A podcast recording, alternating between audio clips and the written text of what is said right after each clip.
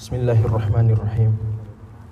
Innal hamdalillah nahmaduhu wa nasta'inuhu wa nastaghfiruh wa na'udzu billahi min shururi anfusina wa sayyiati a'malina. Man yahdihillahu fala mudilla lahu wa man yudlil fala hadiya lahu. Ashhadu an la ilaha illallah wahdahu la sharika lahu wa ashhadu anna Muhammadan 'abduhu wa rasuluhu la nabiyya ba'dahu.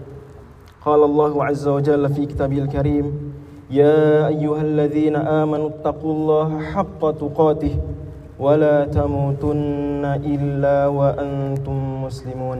أما بعد فيا عباد الله أوصي نفسي وإياكم بتقوى الله وبالسمح وبالتسامح بين الناس فإن العنصر المهم في الإسلام هو التسامح الديني. الله أكبر الله أكبر الله أكبر الله أكبر الله أكبر الله أكبر الله أكبر الله أكبر الله أكبر ولله الحمد Dear brothers and sisters, all praises are due to Allah subhanahu wa ta'ala, the most merciful, the most forgiving. And we send peace and salutation upon the Prophet, our beloved Prophet, Muhammad sallallahu alayhi wasallam, and his companions, his families, and all of his nations until the day of judgment. Dear brothers and sisters, once upon a day, at the year 8 of Hijrah, eight years after the Prophet Muhammad SAW and his companions migrated from Makkah to Medina, Allah Subhanahu wa Ta'ala give them the great victory. It is called Fathu Makkah, the conquest of Makkah. And you know what? This means that these people who were expelled eight years before, that these people, Prophet Muhammad and his companions, who were expelled from Makkah eight years before, come back again.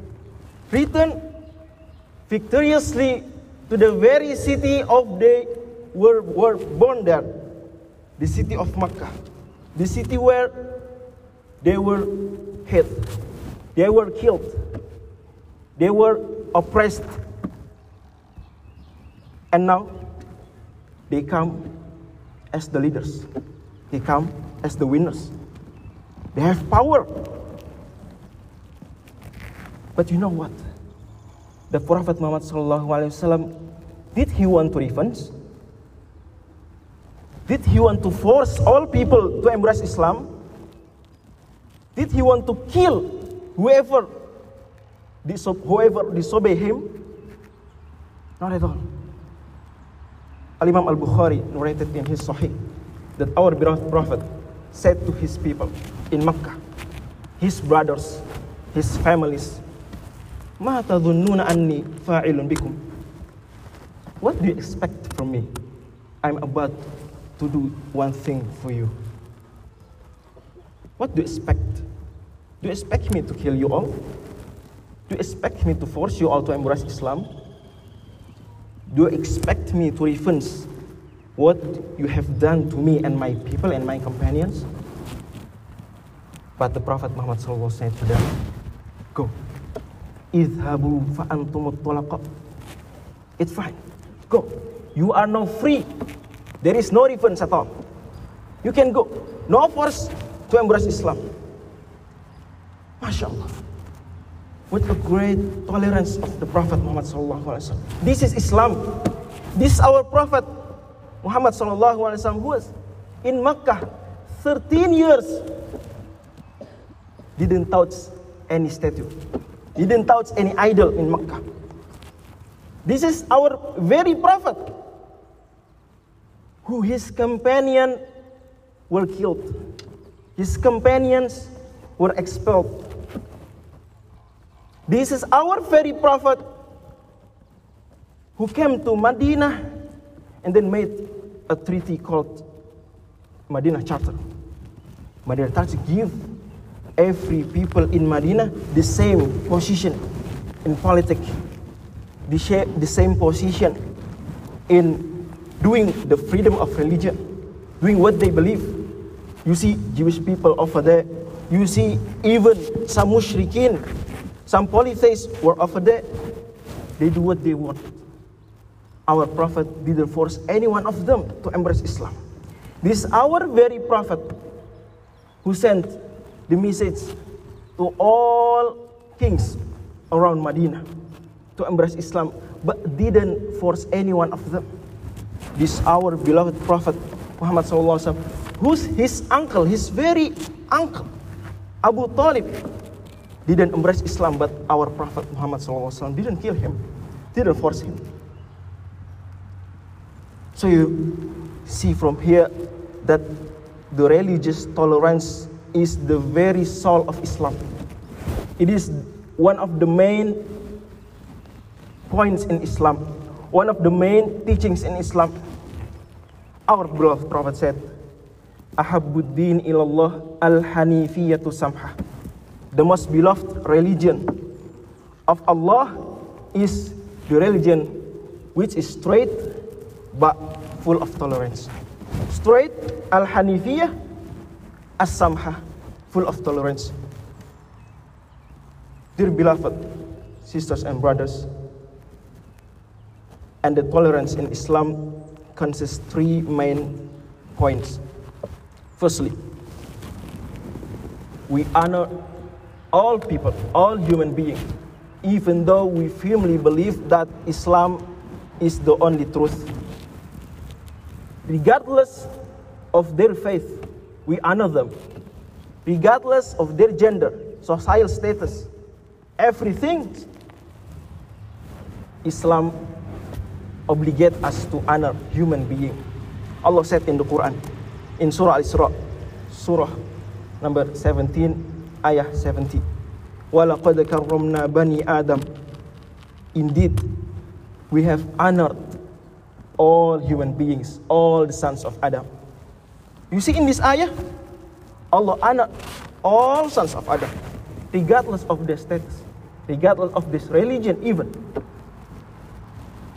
The second point of the religion tolerance in Islam is that even though we firmly believe that there is no truth except Islam, but Allah subhanahu wa ta'ala prohibits us from insulting other religions.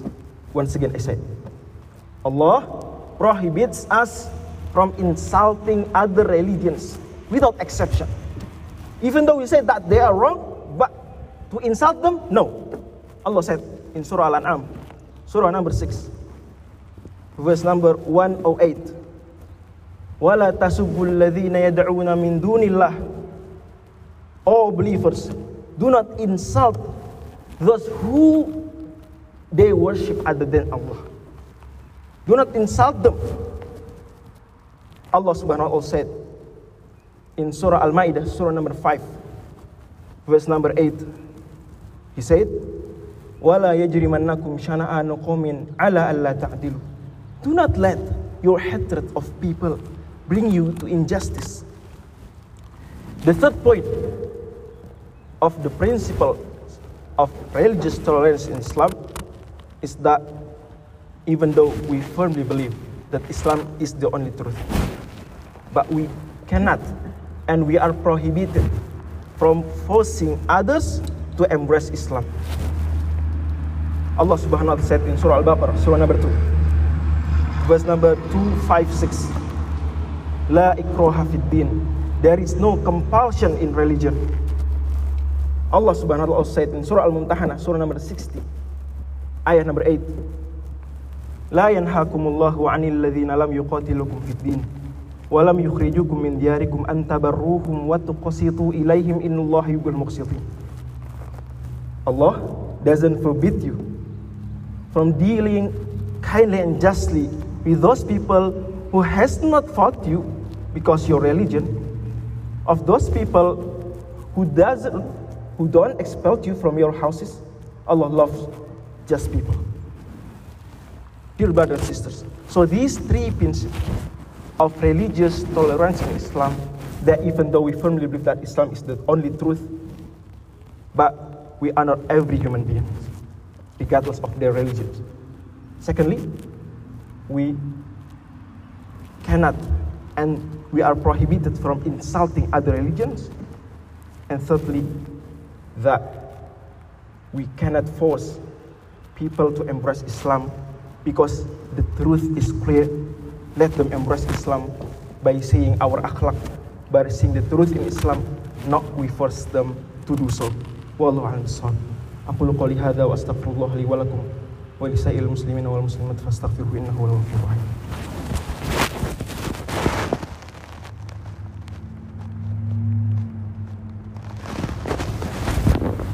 Alhamdulillah wa kafa.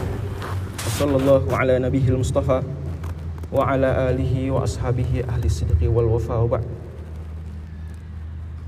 Para jamaah salat duha yang dirahmati Allah Subhanahu wa taala. Allahu akbar. Allahu akbar. Allahu akbar. Allahu akbar. Allahu akbar. Allahu akbar. Allahu akbar. Walillahil hamd.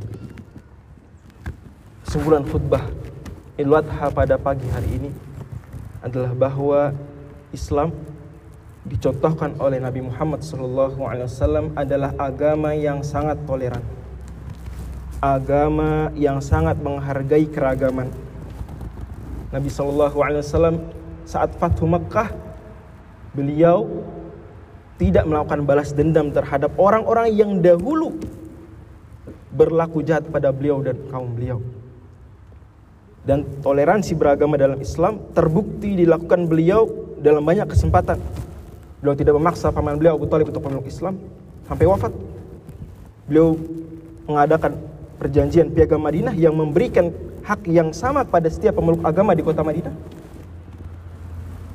Dan beliau banyak mencontohkan perilaku-perilaku yang toleran kepada sesama manusia.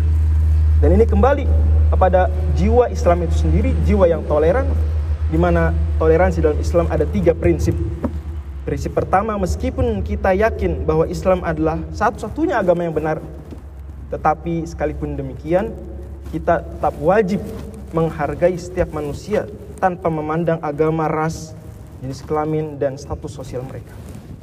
Yang kedua, prinsip toleransi dalam Islam meskipun kita yakin Islam agama satu-satunya yang benar, agama lain keliru.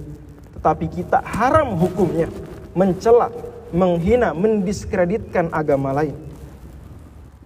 Prinsip yang ketiga, meskipun kita yakin bahwa Islam satu-satunya agama yang benar, agama yang menghantarkan kepada surga, tetapi siapa pun untuk memeluk Islam. Wallahu a'lam Bismillahirrahmanirrahim. Alhamdulillah. Hamdan katsiran tayyiban mubarakan fihi kama yuhibbu rabbuna wa yardah. يا ربنا لك الحمد ولك الشكر كما ينبغي لجلال وجهك الكريم وعظيم سلطانك. اللهم اقسم لنا من خشيتك ما تحول به بيننا وبين معصيتك ومن طاعتك ما تبلغنا به جنتك ومن اليقين ما تهون به علينا مصائب الدنيا ومتعنا بأسماعنا وأبصارنا وقواتنا ما أحييتنا واجعله الوارث منا. واجعل ثأرنا على من ظلمنا وانصرنا على من عادانا. ولا تجعل مصيبتنا في ديننا. ولا تجعل الدنيا أكبر همنا ولا مبلغ علمنا. ولا تسلط علينا من لا يرحمنا. اللهم أرنا الحق حقا وارزقنا اتباعه. وأرنا الباطل باطلا وارزقنا اجتنابه. اللهم إنا نسألك علما نافعا ورزقا طيبا. وعملا متقبلا. اللهم اشف مرضانا اللهم اشف مرضانا اللهم اشف مرضانا اللهم احفظ إخواننا في إندونيسيا من هذه الأمراض. اللهم احفظ إخواننا في إندونيسيا وفي كل العالم من هذه الأمراض. اللهم احفظ إخواننا في إندونيسيا وفي جميع البلاد من هذه الأمراض. يا ربنا يا إلهنا ربنا هب لنا من أزواجنا وذريتنا قرة أعين واجعلنا للمتقين إماما. ربنا اغفر لنا ولوالدينا وارحمهم ربنا صغارا ربنا آتنا في الدنيا حسنة وفي الآخرة حسنة وقنا عذاب النار. وصلى الله على نبينا محمد وعلى آله وصحبه وسلم. سبحان ربك رب العزة عما يصفون. وسلام على المرسلين والحمد لله رب العالمين. والسلام عليكم ورحمة الله وبركاته.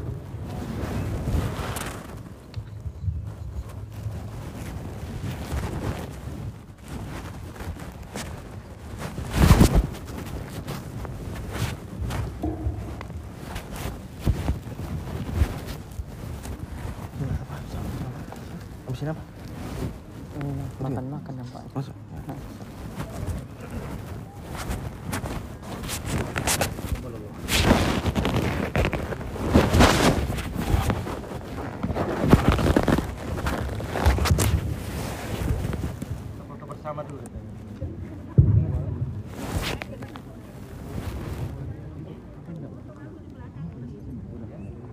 Thank you very much for all brothers and sisters for coming here together to pray uh, Salat Idul Adha together.